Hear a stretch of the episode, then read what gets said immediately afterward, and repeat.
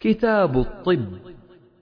باب ما أنزل الله داء إلا أنزل له شفاء. حدثنا محمد بن المثنى حدثنا أبو أحمد الزبيري حدثنا عمر بن سعيد بن أبي حسين. قال حدثني عطاء بن أبي رباح عن أبي هريرة رضي الله عنه عن النبي صلى الله عليه وسلم قال ما أنزل الله داء إلا أنزل له شفاء. باب هل يداوي الرجل المرأة أو المرأة الرجل؟ حدثنا قتيبة بن سعيد حدثنا بشر بن المفضل عن خالد بن ذكوان عن ربيع بنت معوذ ابن عفراء قالت كنا نغزو مع رسول الله صلى الله عليه وسلم نسقي القوم ونخدمهم ونرد القتلى والجرحى إلى المدينة. باب الشفاء في ثلاث. حدثني الحسين حدثني أحمد بن منيع حدثنا مروان بن شجاع حدثنا سالم الأفطس عن سعيد بن جبير عن ابن عباس رضي الله عنهما قال الشفاء في ثلاثة. شربة عسل. وشرطة محجم وكية نار وأنهى أمتي عن الكي. رفع الحديث ورواه القمي عن ليث عن مجاهد عن ابن عباس عن النبي صلى الله عليه وسلم في العسل والحجم. حدثني محمد بن عبد الرحيم أخبرنا سريج بن يونس أبو الحارث حدثنا مروان بن شجاع عن سالم الأفطس عن سعيد بن جبير عن ابن عباس عن النبي صلى الله عليه وسلم قال الشفاء في ثلاثة في شرطة محجم أو شربة عسل أو كية بنار. وأنهى أمتي عن الكي. باب الدواء بالعسل وقول الله تعالى فيه شفاء للناس. حدثنا علي بن عبد الله حدثنا أبو أسامة قال أخبرني هشام عن أبيه عن عائشة رضي الله عنها قالت كان النبي صلى الله عليه وسلم يعجبه الحلواء والعسل. حدثنا أبو نعيم حدثنا عبد الرحمن بن الغسيل عن عاصم بن عمر بن قتادة قال سمعت جابر بن عبد الله رضي الله عنهما قال سمعت النبي صلى الله عليه وسلم يقول إن كان في شيء من أدويتكم أو يكون في شيء من أدويتكم خير ففي شرطة محجم أو شربة عسل أو لذعة بنار توافق الداء. وما أحب أن أكتوي. حدثنا عياش بن الوليد حدثنا عبد الأعلى حدثنا سعيد عن قتادة عن أبي المتوكل عن أبي سعيد أن رجلا أتى النبي صلى الله عليه وسلم فقال أخي يشتكي بطنه. فقال اسقه عسلا. ثم أتى الثانية فقال اسقه عسلا. ثم أتاه فقال فعلت. فقال صدق الله وكذب بطن أخيك اسقه عسلا. فسقاه فبرأ. باب الدواء بألبان الإبل. حدثنا مسلم بن إبراهيم حدثنا سلام بن مسكين حدثنا ثابت عن أنس أن ناسا كان بهم سقم قالوا يا رسول الله آونا وأطعمنا فلما صحوا قالوا إن المدينة وخمة فأنزلهم الحرة في ذود الله فقال اشربوا ألبانها فلما صحوا قتلوا راعي النبي صلى الله عليه وسلم واستاقوا ذوده فبعث في آثارهم فقطع أيديهم وأرجلهم وسمر أعينهم فرأيت الرجل منهم يكدم الأرض بلسانه حتى يموت. قال سلام فبلغني أن الحجاج قال لأنس حدثني بأشد عقوبة عاقبه النبي صلى الله عليه وسلم فحدثه بهذا فبلغ الحسن فقال وددت أنه لم يحدثه. باب الدواء بأبوال الإبل. حدثنا موسى بن إسماعيل حدثنا همام عن قتادة عن أنس رضي الله عنه أن ناسا اجتووا في المدينة فأمرهم النبي صلى الله عليه وسلم أن يلحقوا براعيه يعني الإبل. فيشربوا من ألبانها وأبوالها فلحقوا براعيه فشربوا من ألبانها وأبوالها حتى صلحت أبدانهم. فقتلوا الراعي وساقوا الإبل فبلغ النبي صلى الله عليه وسلم فبعث في طلبهم فجيء بهم فقطع أيديهم وأرجلهم وسمر أعينهم. قال قتادة فحدثني محمد بن سيرين أن ذلك كان قبل أن تنزل الحدود. باب الحبة السوداء. حدثنا عبد الله بن أبي شيبة حدثنا عبيد الله حدثنا إسرائيل عن منصور عن خالد بن سعد قال خرجنا ومعنا غالب بن أبجر فمرض في الطريق فقدمنا المدينة وهو مريض فعاده ابن أبي عتيق فقال لنا عليكم بهذه الحبيبة السوداء فخذوا منها خمسا أو سبعا فاسحقوها ثم اقطروها في أنفه بقطرات زيت في هذا الجانب وفي هذا الجانب. فإن عائشة حدثتني أنها سمعت النبي صلى الله عليه وسلم يقول إن هذه الحبة السوداء شفاء من كل داء إلا من السام. قلت وما السام؟ قال الموت. حدثنا يحيى بن بكير حدثنا الليث عن عقيل عن ابن شهاب قال أخبرني أبو سلمة وسعيد بن المسيب أن أبا هريرة أخبرهما أنه سمع رسول الله صلى الله عليه وسلم يقول في الحبة السوداء شفاء من كل داء إلا السام. قال ابن شهاب والسام الموت والحبة السوداء الشونيز باب التلبينة للمريض. حدثنا حبان بن موسى أخبرنا عبد الله أخبرنا يونس بن يزيد عن عقيل عن ابن شهاب عن عروة عن عائشة رضي الله عنها أنها كانت تأمر بالتلبين للمريض وللمحرون على الهالك وكانت تقول إني سمعت رسول الله صلى الله عليه وسلم يقول إن التلبينة تجم فؤاد المريض وتذهب ببعض الحزن. حدثنا فروة بن أبي المغراء حدثنا علي بن مسهر عن هشام عن أبيه عن عائشة أنها كانت تأمر بالتلبينة وتقول هو البغيض النافع. باب السعوط.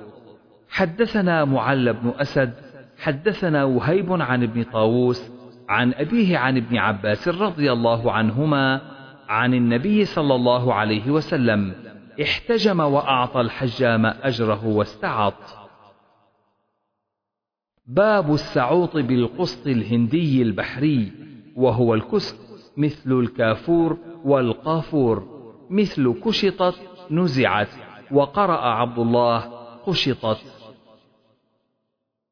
حدثنا صدقة بن الفضل أخبرنا ابن عيينة قال سمعت الزهري عن عبيد الله عن أم قيس بنت محصن قالت سمعت النبي صلى الله عليه وسلم يقول عليكم بهذا العود الهندي فإن فيه سبعة أشفية يستعط به من العذرة ويلد به من ذات الجنب.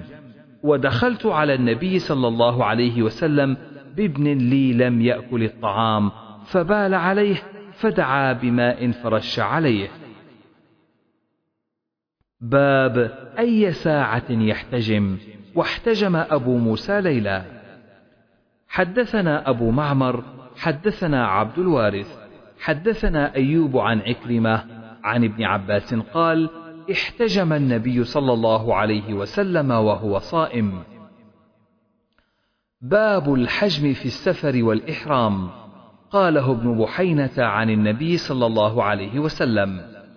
حدثنا مسدد حدثنا سفيان عن عمرو عن طاووس وعطاء عن ابن عباس قال احتجم النبي صلى الله عليه وسلم وهو محرم.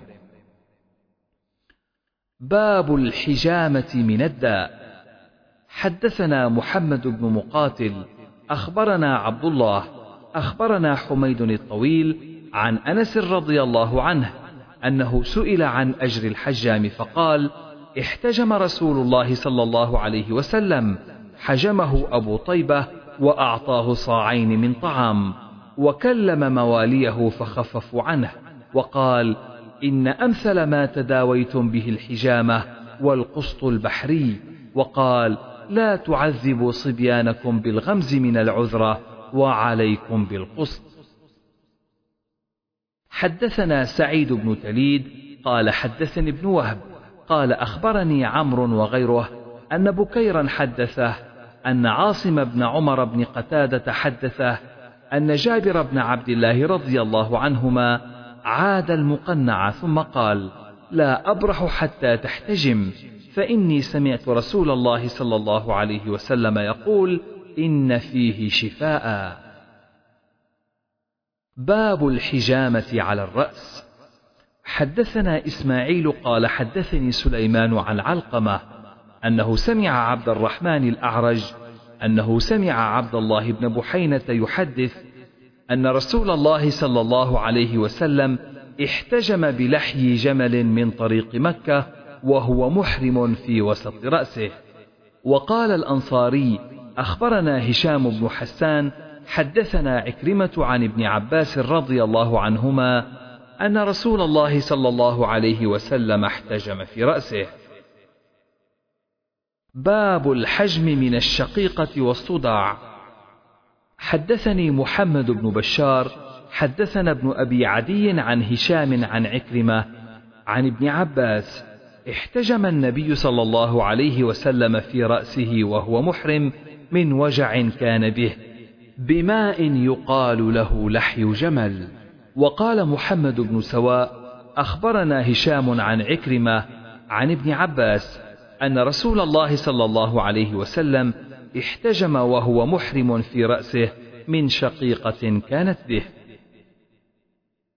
حدثنا إسماعيل بن أبان حدثنا ابن الغسيل قال حدثني عاصم بن عمر عن جابر بن عبد الله قال سمعت النبي صلى الله عليه وسلم يقول إن كان في شيء من أدويتكم خير ففي شربة عسل أو شرطة محجم أو لذعة من نار وما أحب أن أكتوي. باب الحلق من الأذى. حدثنا مسدد حدثنا حماد عن أيوب. قال سمعت مجاهدا عن ابن أبي ليلى عن كعب هو ابن عجرة. قال أتى علي النبي صلى الله عليه وسلم زمن الحديبية وأنا أوقد تحت برمة والقمل يتناثر عن رأسي. فقال أيؤذيك هوامك؟ قلت نعم. قال فاحرق وصم ثلاثة أيام أو أطعم ستة أو انسك نسيكه قال أيوب لا أدري بأيتهن بدأ. باب من اكتوى أو كوى غيره وفضل من لم يكتو. حدثنا أبو الوليد هشام بن عبد الملك حدثنا عبد الرحمن بن سليمان بن الغسيل. حدثنا عاصم بن عمر بن قتادة قال سمعت جابرا عن النبي صلى الله عليه وسلم قال إن كان في شيء من أدويتكم شفاء ففي شرطة محجم أو لذعة بنار وما أحب أن أكتوي. حدثنا عمران بن ميسرة حدثنا ابن فضيل حدثنا حسين عن عامر عن عمران بن حسين رضي الله عنهما قال لا رقية إلا من عين أو حمى. فذكرته لسعيد بن جبير فقال حدثنا ابن عباس قال رسول الله صلى الله عليه وسلم عرضت علي الأمم فجعل النبي والنبيان يمرون معهم الرهط والنبي ليس معه أحد حتى رفع لي سواد عظيم. قلت ما هذا؟ أمتي هذه. قيل هذا موسى وقومه. قيل انظر إلى الأفق فإذا سواد يملأ الأفق. ثم قيل لانظر ها هنا وها هنا في آفاق السماء فإذا سواد قد ملأ الأفق. قيل هذه أمتك ويدخل الجنة من هؤلاء سبعون ألفا بغير حساب. ثم دخل ولم يبين لهم فأفاض القوم وقالوا نحن الذين آمنا بالله واتبعنا رسوله. فنحن هم أو أولادنا الذين ولدوا في الإسلام فإنا ولدنا في الجاهلية. فبلغ النبي صلى الله عليه وسلم فخرج فقال هم الذين لا يسترقون ولا يتطيرون ولا يكتوون وعلى ربهم يتوكلون. فقال عكاشة بن محصن أمنهم أنا يا رسول الله؟ قال نعم. فقام آخر فقال أمنهم أنا قال سبقك عكاشة. باب الإثمد والكحل من الرمد فيه عن أم عطية.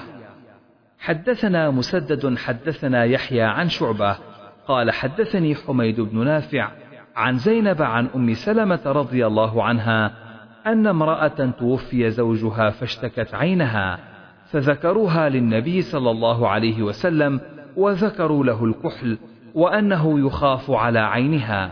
فقال لقد كانت إحداكن تمكث في بيتها في شر أحلاسها أو في أحلاسها في شر بيتها. فإذا مر كلب رمت بعره فلا أربعة أشهر وعشرا باب الجذام. وقال عفان حدثنا سليم بن حيان حدثنا سعيد بن ميناء قال سمعت أبا هريرة يقول قال رسول الله صلى الله عليه وسلم لا عدوى ولا طيرة ولا هامة ولا صفر وفر من المجذوم كما تفر من الأسد. باب المن شفاء للعين. حدثنا محمد بن المثنى حدثنا غندر حدثنا شعبة عن عبد الملك سمعت عمرو بن حريث قال سمعت سعيد بن زيد قال سمعت النبي صلى الله عليه وسلم يقول الكمأة من المن وماؤها شفاء للعين. قال شعبة وأخبرني الحكم بن عتيبة عن الحسن العراني عن عمرو بن حريث عن سعيد بن زيد عن النبي صلى الله عليه وسلم. قال شعبة لما حدثني به الحكم لم أنكره من حديث عبد الملك. باب اللدود. حدثنا علي بن عبد الله حدثنا يحيى بن سعيد حدثنا سفيان. قال حدثني موسى بن أبي عائشة عن عبيد الله بن عبد الله عن ابن عباس وعائشة أن أبا بكر رضي الله عنه قبل النبي صلى الله عليه وسلم وهو ميت. قال وقالت عائشة لددناه في مرضه فجعل يشير إلينا ألا تلدوني. فقلنا كراهية المريض للدواء. فلما أفاق قال ألم أنهكم أن تلدوني؟ قلنا كراهية المريض للدواء. فقال لا يبقى في البيت أحد إلا لد وأنا أنظر إلا العباس فإنه لم يشهدكم. حدثنا علي بن عبد الله حدثنا سفيان عن الزهري أخبرني عبيد الله عن أم قيس قالت دخلت بابن لي على رسول الله صلى الله عليه وسلم وقد أعلقت عليه من العذرة فقال على ما تدغرن أولادكن بهذا العلاق عليكن بهذا العود الهندي فإن فيه سبعة أشفية منها ذات الجنب يسعط من العذرة ويلد من ذات الجنب. فسمعت الزهري يقول بين لنا اثنين ولم يبين لنا خمسة. قلت لسفيان فإن معمرا يقول أعلقت عليه. قال لم يحفظ أعلقت عنه. حفظته من في الزهري. ووصف سفيان الغلام يحنك بالإصبع وأدخل سفيان في حنكه. إنما يعني رفع حنكه بإصبعه ولم يقل أعلقوا عنه شيئا. باب حدثنا بشر بن محمد أخبرنا عبد الله أخبرنا معمر ويونس قال الزهري أخبرني عبيد الله بن عبد الله بن عتبة أن عائشة رضي الله عنها زوج النبي صلى الله عليه وسلم قالت لما ثقل رسول الله صلى الله عليه وسلم واشتد وجعه استأذن أزواجه في أن يمرضن في بيتي فأذن فخرج بين رجلين تخط رجلاه في الأرض بين عباس وآخر. فأخبرت ابن عباس قال هل تدري من الرجل الآخر الذي لم تسم عائشة؟ قلت لا. قال هو علي. قالت عائشة فقال النبي صلى الله عليه وسلم بعدما دخل بيتها واشتد به وجعه هريقوا علي من سبع قرب لم تحلل أوكيتهن. لعلي أعهد إلى الناس. قالت فأجلسناه في مخضب لحفصة زوج النبي صلى الله عليه وسلم ثم طفقنا نصب عليه من تلك القرب حتى جعل يشير إلينا أن قد فعلتن. قالت وخرج إلى الناس فصلى لهم وخطبهم. باب العذرة. حدثنا أبو اليمان أخبرنا شعيب عن الزهري قال أخبرني عبيد الله بن عبد الله أن أم قيس بنت محصن الأسدية أسد خزيمة كانت من المهاجرات الأول اللاتي بايعن النبي صلى الله عليه وسلم وهي أخت عكاشة. أخبرته أنها أتت رسول الله صلى الله عليه وسلم بابن لها قد أعلقت عليه من العذرة فقال النبي صلى الله عليه وسلم على ما تدغرن أولادكن بهذا العلاق. عليكم بهذا العود الهندي. فإن فيه سبعة أشفية منها ذات الجنب يريد الكست وهو العود الهندي. وقال يونس وإسحاق بن راشد عن الزهري علقت عليه. باب دواء المبطون. حدثنا محمد بن بشار حدثنا محمد بن جعفر حدثنا شعبة عن قتادة عن أبي المتوكل عن أبي سعيد قال جاء رجل إلى النبي صلى الله عليه وسلم فقال إن أخي استطلق بطنه. فقال اسقه عسلا. فسقاه فقال إني سقيته فلم يزده إلا استطلاقا. فقال صدق الله وكذب بطن أخيك. تابعه النضر عن شعبة. باب لا صفر وهو داء يأخذ البطن. حدثنا عبد العزيز بن عبد الله حدثنا إبراهيم بن سعد عن صالح عن ابن شهاب قال أخبرني أبو سلمة بن عبد الرحمن وغيره أن أبا هريرة رضي الله عنه قال إن رسول الله صلى الله عليه وسلم قال لا عدوى ولا صفر ولا هامة. فقال أعرابي يا رسول الله فما بال إبلي تكون في الرمل؟ كأنها الظباء فيأتي البعير الأجرب فيدخل بينها فيجربها. فقال فمن أعدى الأول؟ رواه الزهري عن أبي سلمة وسنان بن أبي سنان. باب ذات الجنب. حدثني محمد أخبرنا عتاب بن بشير عن إسحاق عن الزهري قال أخبرني عبيد الله بن عبد الله أن أم قيس بنت محصن وكانت من المهاجرات الأول اللاتي بايعن رسول الله صلى الله عليه وسلم وهي أخت عكاشة بن محصن. أخبرته أنها أتت رسول الله صلى الله عليه وسلم بابن لها قد علقت عليه من العذرة فقال اتقوا الله على ما تدغرون أولادكم بهذه الأعلاق عليكم بهذا العود الهندي. فإن فيه سبعة أشفية منها ذات الجنب يريد الكست يعني القسط قال وهي لغة.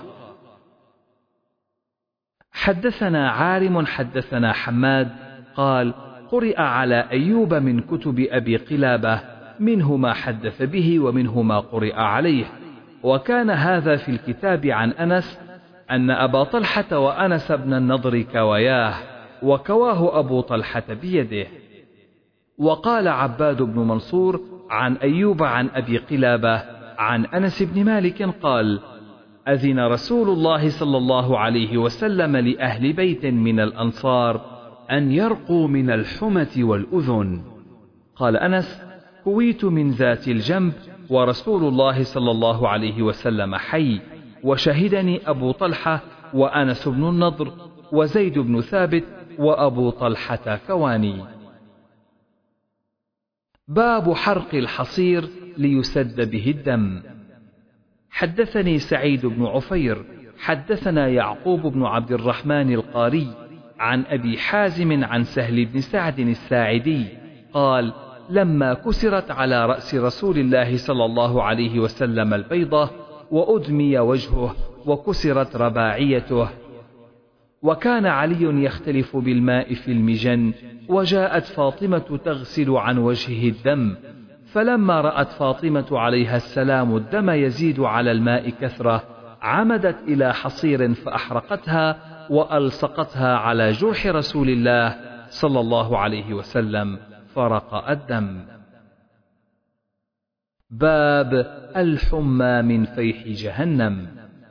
حدثني يحيى بن سليمان حدثني ابن وهب قال حدثني مالك عن نافع عن ابن عمر رضي الله عنهما عن النبي صلى الله عليه وسلم قال الحمى من فيح جهنم فأطفئوها بالماء. قال نافع وكان عبد الله يقول اكشف عنا الرجز. حدثنا عبد الله بن مسلمة عن مالك عن هشام عن فاطمة بنت المنذر أن أسماء بنت أبي بكر رضي الله عنهما كانت إذا أتيت بالمرأة قد حمت تدعو لها أخذت الماء فصبته بينها وبين جيبها. قالت وكان رسول الله صلى الله عليه وسلم يأمرنا أن نبردها بالماء. حدثني محمد بن المثنى حدثنا يحيى حدثنا هشام أخبرني أبي عن عائشة عن النبي صلى الله عليه وسلم قال الحمى من فيح جهنم فابردوها بالماء. حدثنا مسدد حدثنا أبو الأحوص حدثنا سعيد بن مسروق عن عباية بن رفاعة عن جده رافع بن خديج قال سمعت النبي صلى الله عليه وسلم يقول الحمى من فوح جهنم فابردوها بالماء. باب من خرج من أرض لا تلايمه حدثنا عبد الأعلى بن حماد حدثنا يزيد بن زريع حدثنا سعيد. حدثنا قتادة أن أنس بن مالك حدثهم أن ناسا أو رجالا من عكل وعرينة قدموا على رسول الله صلى الله عليه وسلم وتكلموا بالإسلام وقالوا يا نبي الله إنا كنا أهل طرع ولم نكن أهل ريف. واستوخموا المدينة فأمر لهم رسول الله صلى الله عليه وسلم بذود وبراع وأمرهم أن يخرجوا فيه فيشربوا من ألبانها وأبوالها فانطلقوا. حتى كانوا ناحية الحرة كفروا بعد إسلامهم وقتلوا راعي رسول الله صلى الله عليه وسلم واستاقوا الذود. فبلغ النبي صلى الله عليه وسلم فبعث الطلب في آثارهم وأمر بهم فسمروا أعينهم وقطعوا أيديهم وتركوا في ناحية الحرة حتى ماتوا على حالهم. باب ما يذكر في الطاعون.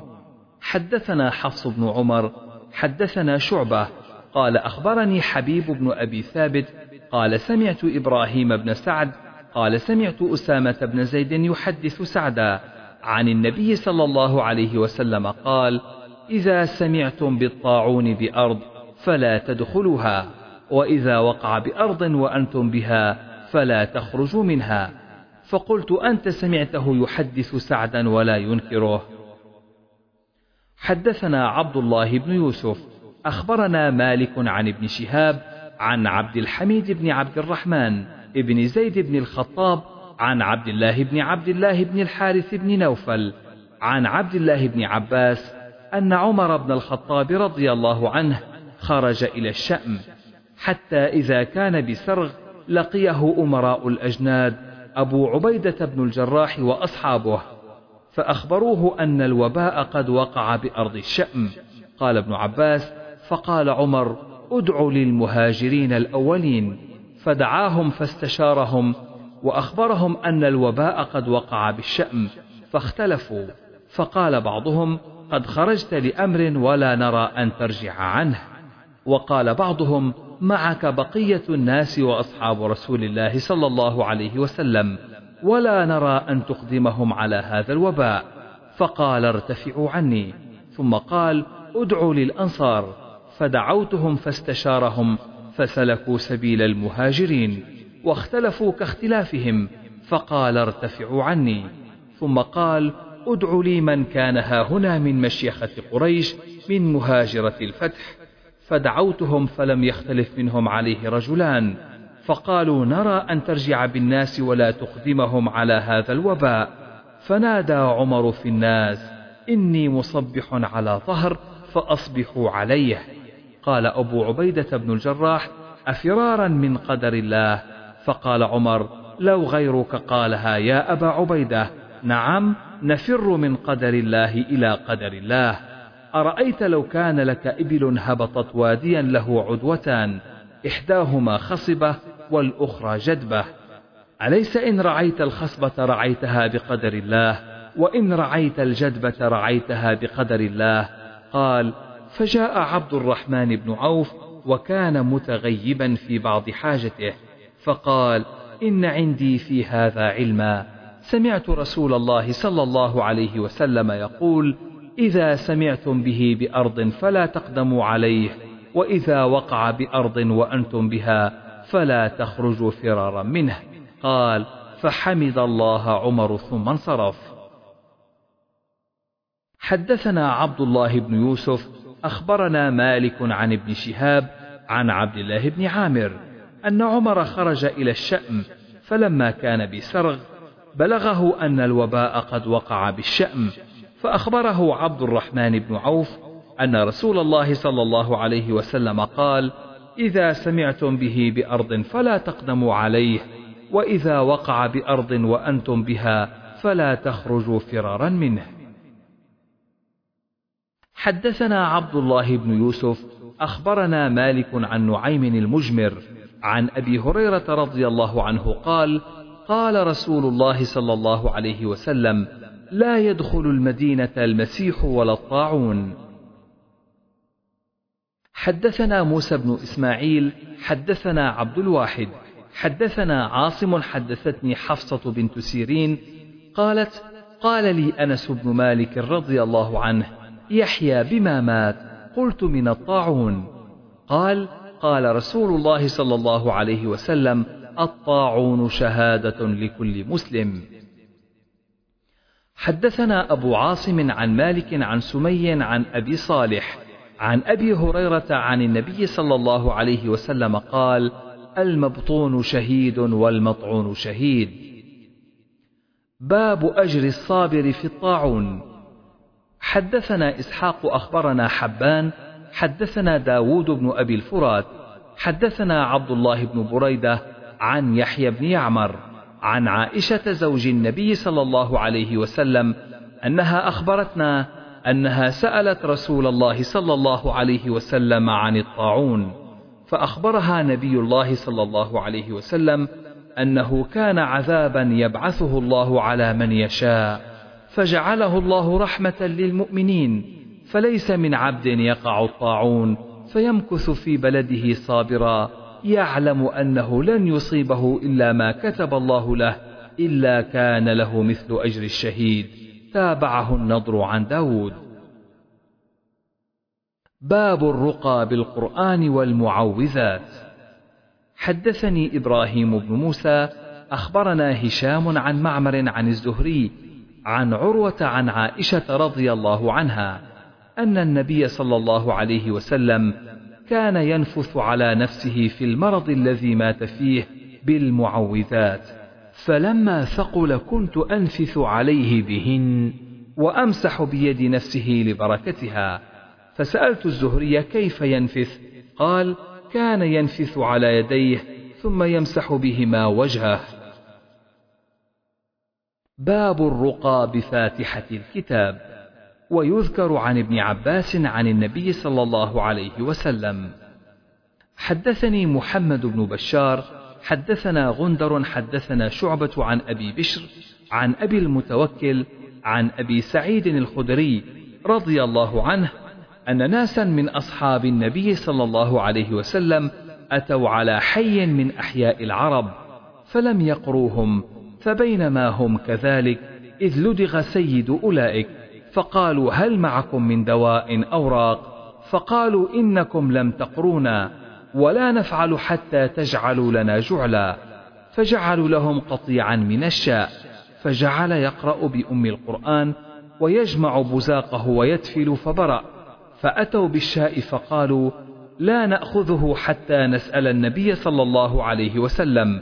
فسألوه فضحك وقال وما أدراك أنها رقية؟ خذوها واضربوا لي بسهم. باب الشرط في الرقية بقطيع من الغنم. حدثني سيدان بن مضارب أبو محمد الباهلي. حدثنا أبو معشر البصري. هو صدوق. يوسف بن يزيد البراء قال حدثني عبيد الله بن الأخنس أبو مالك عن ابن أبي مليكة عن ابن عباس أن نفرا من أصحاب النبي صلى الله عليه وسلم مروا بماء فيهم لذيغ أو سليم فعرض لهم رجل من أهل الماء فقال هل فيكم من راق؟ إن في الماء رجلا لذيغا أو سليما. فانطلق رجل منهم فقرأ بفاتحة الكتاب على شاء فبرأ فجاء بالشاء إلى أصحابه فكرهوا ذلك وقالوا أخذت على كتاب الله أجرا حتى قدموا المدينة. فقالوا يا رسول الله أخذ على كتاب الله أجرا. فقال رسول الله صلى الله عليه وسلم إن أحق ما أخذتم عليه أجرا كتاب الله. باب رقية العين.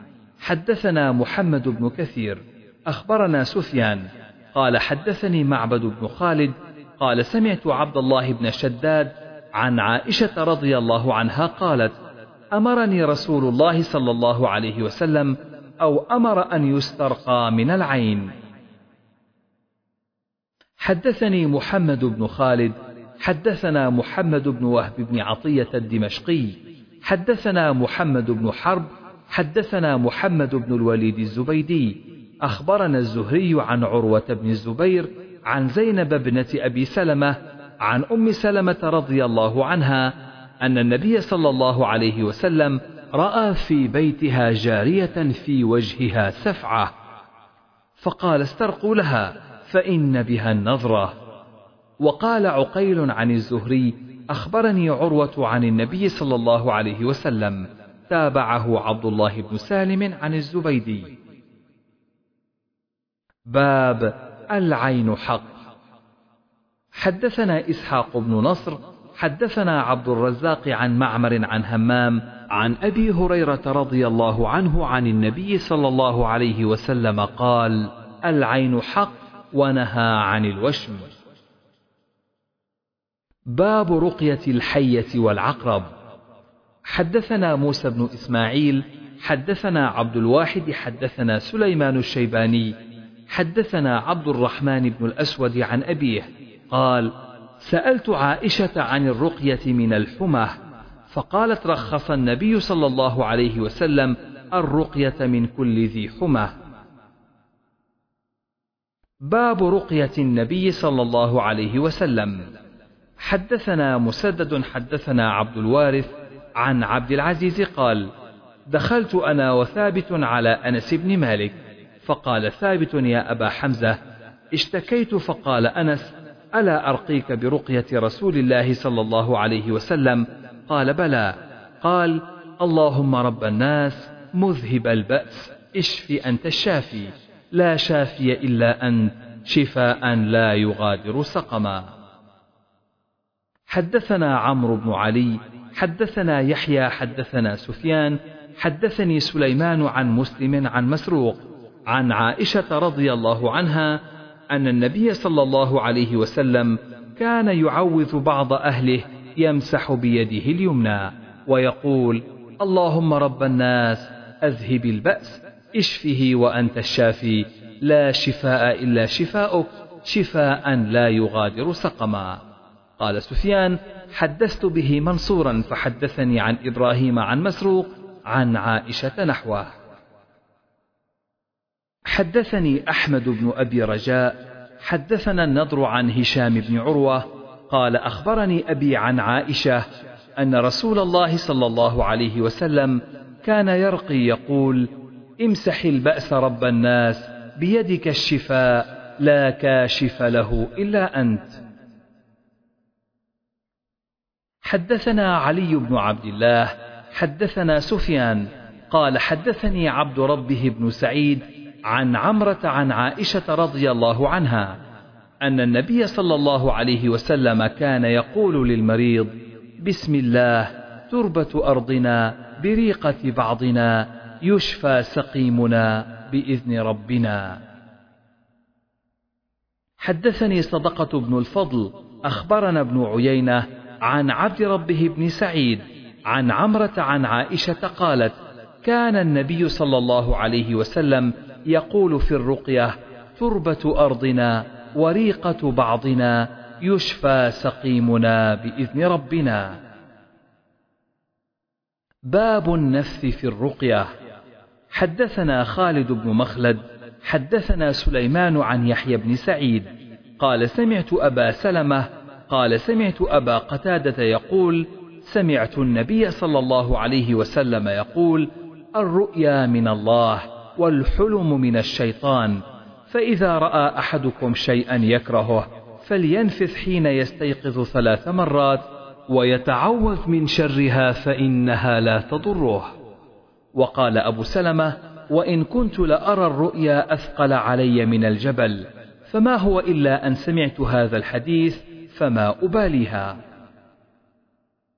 حدثنا عبد العزيز بن عبد الله الأويسي حدثنا سليمان عن يونس عن ابن شهاب عن عروة بن الزبير عن عائشة رضي الله عنها قالت كان رسول الله صلى الله عليه وسلم إذا أوى إلى فراشه نفث في كفيه بقل هو الله أحد وبالمعوذتين جميعا ثم يمسح بهما وجهه وما بلغت يداه من جسده.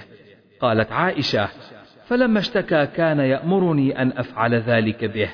قال يونس كنت أرى ابن شهاب يصنع ذلك إذا أتى إلى فراشه.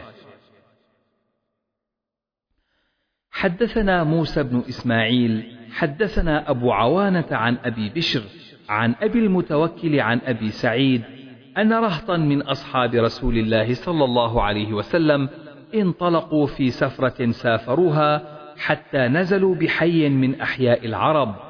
فاستضافوهم فأبوا أن يضيفوهم. فلدغ سيد ذلك الحي فسعوا له بكل شيء لا ينفعه شيء. فقال بعضهم لو أتيتم هؤلاء الرهط الذين قد نزلوا بكم لعله أن يكون عند بعضهم شيء. فأتوهم فقالوا يا أيها الرهط إن سيدنا لدغ فسعينا له بكل شيء لا ينفعه شيء. فهل عند أحد منكم شيء؟ فقال بعضهم نعم والله إني لراق ولكن والله لقد استضفناكم فلم تضيفونا فما أنا براق لكم حتى تجعلوا لنا جعلا. فصالحوهم على قطيع من الغنم فانطلق فجعل يدفل ويقرأ الحمد لله رب العالمين حتى لكأنما نشط من عقال قال فانطلق يمشي ما به قلبه قال فأوفوهم جعلهم الذي صالحوهم عليه. فقال بعضهم اقسموا. فقال الذي رقى لا تفعلوا حتى نأتي رسول الله صلى الله عليه وسلم فنذكر له الذي كان فننظر ما يأمرنا. فقدموا على رسول الله صلى الله عليه وسلم فذكروا له فقال وما يدريك أنها رقية؟ أصبتم؟ اقسموا واضربوا لي معكم بسهم. باب مسح الراقي الوجع بيده اليمنى. حدثني عبد الله بن أبي شيبة حدثنا يحيى عن سفيان عن الأعمش عن مسلم عن مسروق عن عائشة رضي الله عنها قالت كان النبي صلى الله عليه وسلم يعوذ بعضهم يمسحه بيمينه. أذهب البأس رب الناس واشف أنت الشافي لا شفاء إلا شفاؤك. شفاء لا يغادر سقما. فذكرته لمنصور فحدثني عن إبراهيم عن مسروق عن عائشة بنحوه. باب في المرأة ترقي الرجل. حدثني عبد الله بن محمد الجعفي. حدثنا هشام أخبرنا معمر عن الزهري عن عروة عن عائشة رضي الله عنها أن النبي صلى الله عليه وسلم كان ينفث على نفسه في مرضه الذي قبض فيه بالمعوذات. فلما ثقل كنت أنا أنفث عليه بهن فأمسح بيد نفسه لبركتها. فسألت ابن شهاب كيف كان ينفث؟ قال ينفث على يديه ثم يمسح بهما وجهه. باب من لم يرق حدثنا مسدد حدثنا حسين بن نمير عن حسين بن عبد الرحمن عن سعيد بن جبير عن ابن عباس رضي الله عنهما قال خرج علينا النبي صلى الله عليه وسلم يوما فقال عرضت علي الأمم فجعل يمر النبي معه الرجل والنبي معه الرجلان والنبي معه الرهط والنبي ليس معه أحد ورأيت سوادا كثيرا سد الأفق فرجوت أن تكون أمتي. فقيل هذا موسى وقومه. ثم قيل لانظر فرأيت سوادا كثيرا سد الأفق. فقيل لانظر هكذا وهكذا. فرأيت سوادا كثيرا سد الأفق. فقيل هؤلاء أمتك. ومع هؤلاء سبعون ألفا يدخلون الجنة بغير حساب. فتفرق الناس ولم يبين لهم. فتذاكر أصحاب النبي صلى الله عليه وسلم. فقالوا أما نحن فولدنا في الشرك ولكننا آمنا بالله ورسوله ولكن هؤلاء هم أبناؤنا. فبلغ النبي صلى الله عليه وسلم فقال هم الذين لا يتطيرون ولا يسترقون ولا يكتوون وعلى ربهم يتوكلون. فقام عكاشة بن محصن فقال أمنهم أنا يا رسول الله؟ قال نعم. فقام آخر فقال أمنهم أنا؟ فقال سبقك بها عكاشة. باب الطيرة. حدثني عبد الله بن محمد حدثنا عثمان بن عمر حدثنا يونس عن الزهري عن سالم عن ابن عمر رضي الله عنهما أن رسول الله صلى الله عليه وسلم قال لا عدوى ولا طيرة والشؤم في ثلاث. في المرأة والدار والدابة. حدثنا أبو اليمان أخبرنا شعيب عن الزهري قال أخبرني عبيد الله بن عبد الله بن عتبة أن أبا هريرة قال سمعت رسول الله صلى الله عليه وسلم يقول لا طيرة وخيرها الفأل.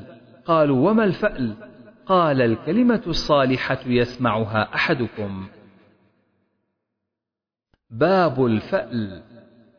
حدثنا عبد الله بن محمد أخبرنا هشام أخبرنا معمر عن الزهري عن عبيد الله بن عبد الله عن أبي هريرة رضي الله عنه قال قال النبي صلى الله عليه وسلم لا طيرة وخيرها الفأل. قال وما الفأل يا رسول الله؟ قال الكلمة الصالحة يسمعها أحدكم. حدثنا مسلم بن إبراهيم حدثنا هشام عن قتادة عن أنس رضي الله عنه عن النبي صلى الله عليه وسلم قال لا عدوى ولا طيرة ويعجبني الفأل الصالح الكلمة الحسنة. باب لا هامة حدثنا محمد بن الحكم حدثنا النضر أخبرنا إسرائيل أخبرنا أبو حسين عن أبي صالح عن أبي هريرة رضي الله عنه عن النبي صلى الله عليه وسلم قال لا عدوى ولا طيرة ولا هامة ولا صفر. باب الكهانة. حدثنا سعيد بن عفير حدثنا الليث قال حدثني عبد الرحمن بن خالد عن ابن شهاب عن أبي سلمة عن أبي هريرة أن رسول الله صلى الله عليه وسلم قضى في امرأتين من هذيل اقتتلتا فرمت إحداهما الأخرى بحجر فأصاب بطنها وهي حامل فقتلت ولدها الذي في بطنها. فاختصموا إلى النبي صلى الله عليه وسلم فقضى أن دية ما في بطنها غرة عبد أو أمة. فقال ولي المرأة التي غرمت كيف أغرم يا رسول الله من لا شرب ولا أكل؟ ولا نطق ولا استهل. فمثل ذلك بطل. فقال النبي صلى الله عليه وسلم إنما هذا من إخوان الكهان. حدثنا قتيبة عن مالك عن ابن شهاب عن أبي سلمة عن أبي هريرة رضي الله عنه أن امرأتين رمت إحداهما الأخرى بحجر فطرحت جنينها فقضى فيه النبي صلى الله عليه وسلم بغرة عبد أو وليدة. وعن ابن شهاب عن سعيد بن المسيب أن رسول الله صلى الله عليه وسلم قضى في الجنين يقتل في بطن أمه بغرة عبد أو وليدة. فقال الذي قضي عليه كيف أغرم ما لا أكل ولا شرب ولا نطق ولا استهل ومثل ذلك بطل؟ فقال رسول الله صلى الله عليه وسلم إنما هذا من إخوان الكهان. حدثنا عبد الله بن محمد حدثنا ابن عيينة عن الزهري عن أبي بكر بن عبد الرحمن بن الحارث عن أبي مسعود قال نهى النبي صلى الله عليه وسلم عن ثمن الكلب ومهر البغي وحلوان الكاهن. حدثنا علي بن عبد الله حدثنا هشام بن يوسف أخبرنا معمر عن الزهري عن يحيى بن عروة بن الزبير عن عروة عن عائشة رضي الله عنها قالت سأل رسول الله صلى الله عليه وسلم ناس عن الكهان فقال ليس بشيء. فقالوا يا رسول الله إنهم يحدثون أحيانا بشيء فيكون حقا. فقال رسول الله صلى الله عليه وسلم تلك الكلمة من الحق يخطفها من الجني فيقرها في أذن وليه فيخلطون معها مئة كذبة. قال علي قال عبد الرزاق مرسل الكلمة من الحق. ثم بلغني أنه أسنده بعد. باب السحر وقول الله تعالى ولكن الشياطين كفروا يعلمون الناس السحر وما أنزل على الملكين ببابل هاروت وماروت وما يعلمان من أحد حتى يقولا إنما نحن فتنة فلا تكفر.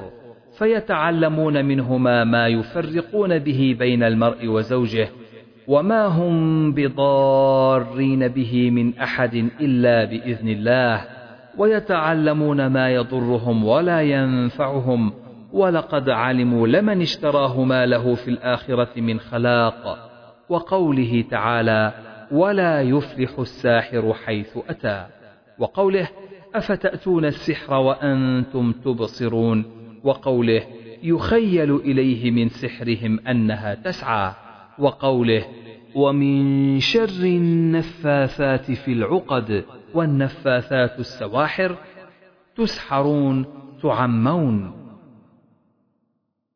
حدثنا إبراهيم بن موسى أخبرنا عيسى بن يونس عن هشام عن أبيه عن عائشة رضي الله عنها قالت سحر رسول الله صلى الله عليه وسلم رجل من بني زريق يقال له لبيد بن الأعصم. حتى كان رسول الله صلى الله عليه وسلم يخيل إليه أنه يفعل الشيء وما فعله حتى إذا كان ذات يوم أو ذات ليلة وهو عندي لكنه دعا ودعا. ثم قال يا عائشة أشعرت أن الله أفتاني فيما استفتيته فيه. أتاني رجلان فقعد أحدهما عند رأسي والآخر عند رجلي. فقال أحدهما لصاحبه ما وجع الرجل؟ فقال مطبوب قال من طبه؟ قال لبيد بن الأعصم قال في أي شيء؟ قال في مشط ومشاطة. وجف طلع نخلة ذكر. قال وأين هو قال في بئر ذروان. فأتاها رسول الله صلى الله عليه وسلم في ناس من أصحابه. فجاء فقال يا عائشة كأن ماءها نقاعة الحناء أو كأن رؤوس نخلها رؤوس الشياطين. قلت يا رسول الله أفلا أستخرجه؟ قال قد عافاني الله فكرهت أن أثور على الناس فيه شرا فأمر بها فدفنت. تابعه أبو أسامة وأبو ضمرة وابن أبي الزناد عن هشام. وقال الليث وابن عيينة عن هشام في مشط ومشاقة. يقال المشاطة ما يخرج من الشعر إذا مشط والمشاقة من مشاقة الكتان. باب الشرك والسحر من الموبقات. حدثني عبد العزيز بن عبد الله قال حدثني سليمان عن ثور بن زيد عن أبي الغيث عن أبي هريرة رضي الله عنه أن رسول الله صلى الله عليه وسلم قال اجتنبوا الموبقات الشرك بالله والسحر. باب هل يستخرج السحر؟ وقال قتادة قلت لسعيد بن المسيب رجل به طب أو يؤخذ عن امرأته أيحل عنه أو ينشر؟ قال لا بأس إنما يريدون به الإصلاح فأما ما ينفع فلم ينهى عنه. حدثني عبد الله بن محمد قال سمعت ابن عيينة يقول أول من حدثنا به ابن جريج يقول حدثني آل عروة عن عروة فسألت هشاما عنه فحدثنا عن أبيه عن عائشة رضي الله عنها قالت كان رسول الله صلى الله عليه وسلم سحر حتى كان يرى أنه يأتي النساء ولا يأتيهن. قال سفيان وهذا أشد ما يكون من السحر إذا كان كذا. فقال يا عائشة أعلمت أن الله قد أفتاني فيما استفتيته فيه. أتاني رجلان فقعد أحدهما عند رأسي والآخر عند رجلي. فقال الذي عند رأسي للآخر ما بال الرجل؟ قال مطبوب. قال ومن طبه؟ قال لبيد بن أعصم رجل من بني زريق حليف ليهود كان منافقا. قال وفيما قال في مشط ومشاقة قال وأين؟ قال في جف طلعة ذكر تحت رعوفة في بئر ذروان قالت فأتى النبي صلى الله عليه وسلم البئر حتى استخرجه فقال هذه البئر التي أريتها وكأن ماءها نقاعة الحناء وكأن نخلها رؤوس الشياطين قال فاستخرج قالت فقلت أفلا أي تنشرت فقال أما والله فقد شفاني وأكره أن أثير على أحد من الناس شرا. باب السحر. حدثنا عبيد الله بن إسماعيل حدثنا أبو أسامة عن هشام عن أبيه عن عائشة قالت سحر رسول الله صلى الله عليه وسلم حتى إنه ليخيل إليه أنه يفعل الشيء وما فعله. حتى إذا كان ذات يوم وهو عندي دعا الله ودعاه. ثم قال أشعرت يا عائشة أن الله قد أفتاني فيما استفتيته فيه. قلت وما ذاك يا رسول الله؟ قال جاءني رجلان فجلس أحدهما عند رأسي والآخر عند رجلي. ثم قال أحدهما لصاحبه ما وجع الرجل؟ قال مطبوب. قال ومن طبه؟ قال لبيد بن الأعصم اليهودي من بني زريق قال في ماذا؟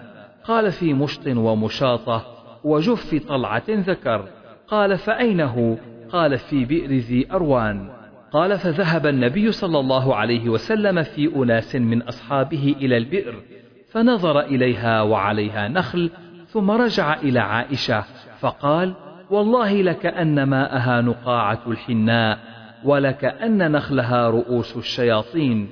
قلت يا رسول الله أفأخرجته؟ قال لا أما أنا فقد عافاني الله وشفاني. وخشيت أن أثور على الناس منه شرا وأمر بها فدفنت. باب من البيان سحرا. حدثنا عبد الله بن يوسف أخبرنا مالك عن زيد بن أسلم عن عبد الله بن عمر رضي الله عنهما أنه قدم رجلان من المشرق فخطبا فعجب الناس لبيانهما.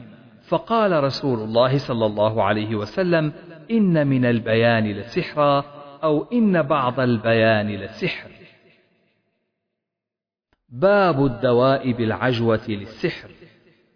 حدثنا علي حدثنا مروان أخبرنا هاشم أخبرنا عامر بن سعد عن أبيه رضي الله عنه قال قال النبي صلى الله عليه وسلم من اصطبح كل يوم تمرات عجوة لم يضره سم ولا سحر ذلك اليوم إلى الليل وقال غيره سبع تمرات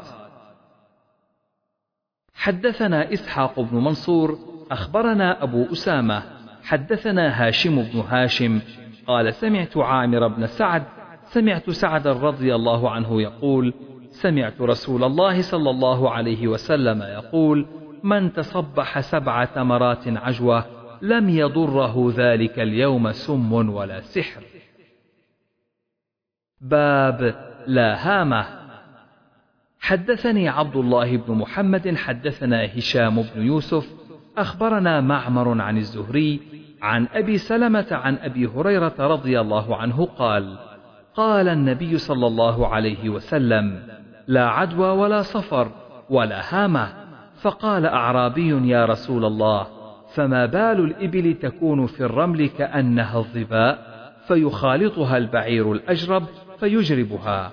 فقال رسول الله صلى الله عليه وسلم فمن أعدى الأول؟ وعن أبي سلمة سمع أبا هريرة بعد يقول قال النبي صلى الله عليه وسلم لا يوردن ممرض على مصح. وأنكر أبو هريرة حديث الأول. قلنا ألم تحدث أنه لا عدوى؟ فرطن بالحبشية. قال أبو سلمة فما رأيته نسي حديثا غيره. باب لا عدوى.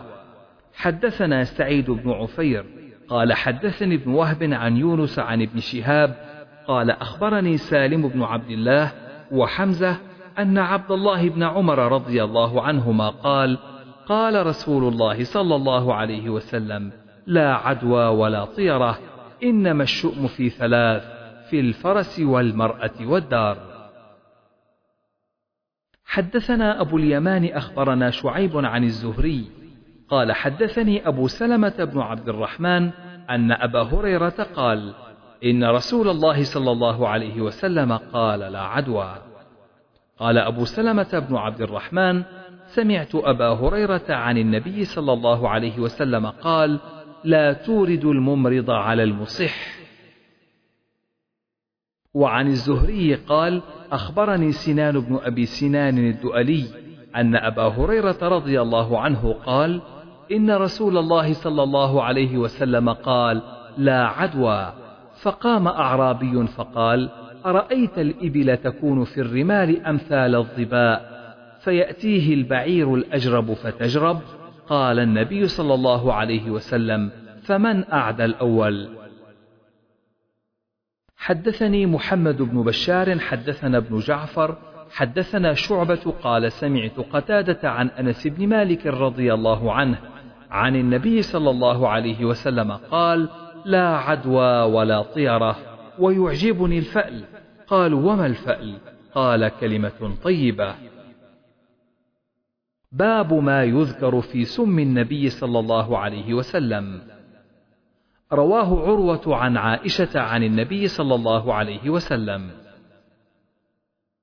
حدثنا قتيبة حدثنا الليث عن سعيد بن أبي سعيد عن أبي هريرة أنه قال لما فتحت خيبر أهديت لرسول الله صلى الله عليه وسلم شاة فيها سم فقال رسول الله صلى الله عليه وسلم اجمعوا لي من كان هاهنا من اليهود. فجمعوا له فقال لهم رسول الله صلى الله عليه وسلم إني سائلكم عن شيء فهل أنتم صادقي عنه؟ فقالوا نعم يا أبا القاسم. فقال لهم رسول الله صلى الله عليه وسلم من أبوكم؟ قالوا أبونا فلان. فقال رسول الله صلى الله عليه وسلم كذبتم بل أبوكم فلان. فقالوا صدقت وبررت. فقال هل أنتم صادقي عن شيء إن سألتكم عنه؟ فقالوا نعم يا أبا القاسم وإن كذبناك عرفت كذبنا كما عرفته في أبينا. قال لهم رسول الله صلى الله عليه وسلم من أهل النار؟ فقالوا نكون فيها يسيرا ثم تخلفوننا فيها. فقال لهم رسول الله صلى الله عليه وسلم اخسأوا فيها والله لا نخلفكم فيها أبدا. ثم قال لهم فهل أنتم صادقي عن شيء إن سألتكم عنه؟ قالوا نعم. فقال هل جعلتم في هذه الشاة سما؟ فقالوا نعم. فقال ما حملكم على ذلك؟ فقالوا أردنا إن كنت كذابا نستريح منك وإن كنت نبيا لم يضرك. باب شرب السم والدواء به وبما يخاف منه. حدثنا عبد الله بن عبد الوهاب حدثنا خالد بن الحارث حدثنا شعبة عن سليمان قال سمعت ذكوان يحدث عن أبي هريرة رضي الله عنه عن النبي صلى الله عليه وسلم قال من تردى من جبل فقتل نفسه فهو في نار جهنم يتردى فيه خالدا مخلدا فيها أبدا. ومن تحسى سما فقتل نفسه فسمه في يده يتحساه في نار جهنم خالدا مخلدا فيها أبدا. ومن قتل نفسه بحديدة فحديدته في يده يجأ بها في بطنه في نار جهنم خالدا مخلدا فيها أبدا.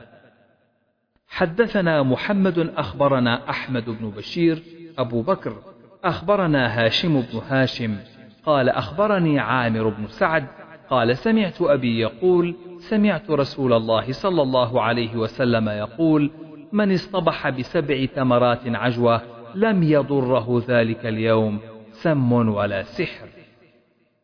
باب ألبان الأتن. حدثني عبد الله بن محمد حدثنا سفيان عن الزهري عن أبي إدريس الخولاني عن أبي ثعلبة الخشني رضي الله عنه قال نهى النبي صلى الله عليه وسلم عن أكل كل ذي ناب من السبع. قال الزهري ولم أسمعه حتى أتيت الشأم.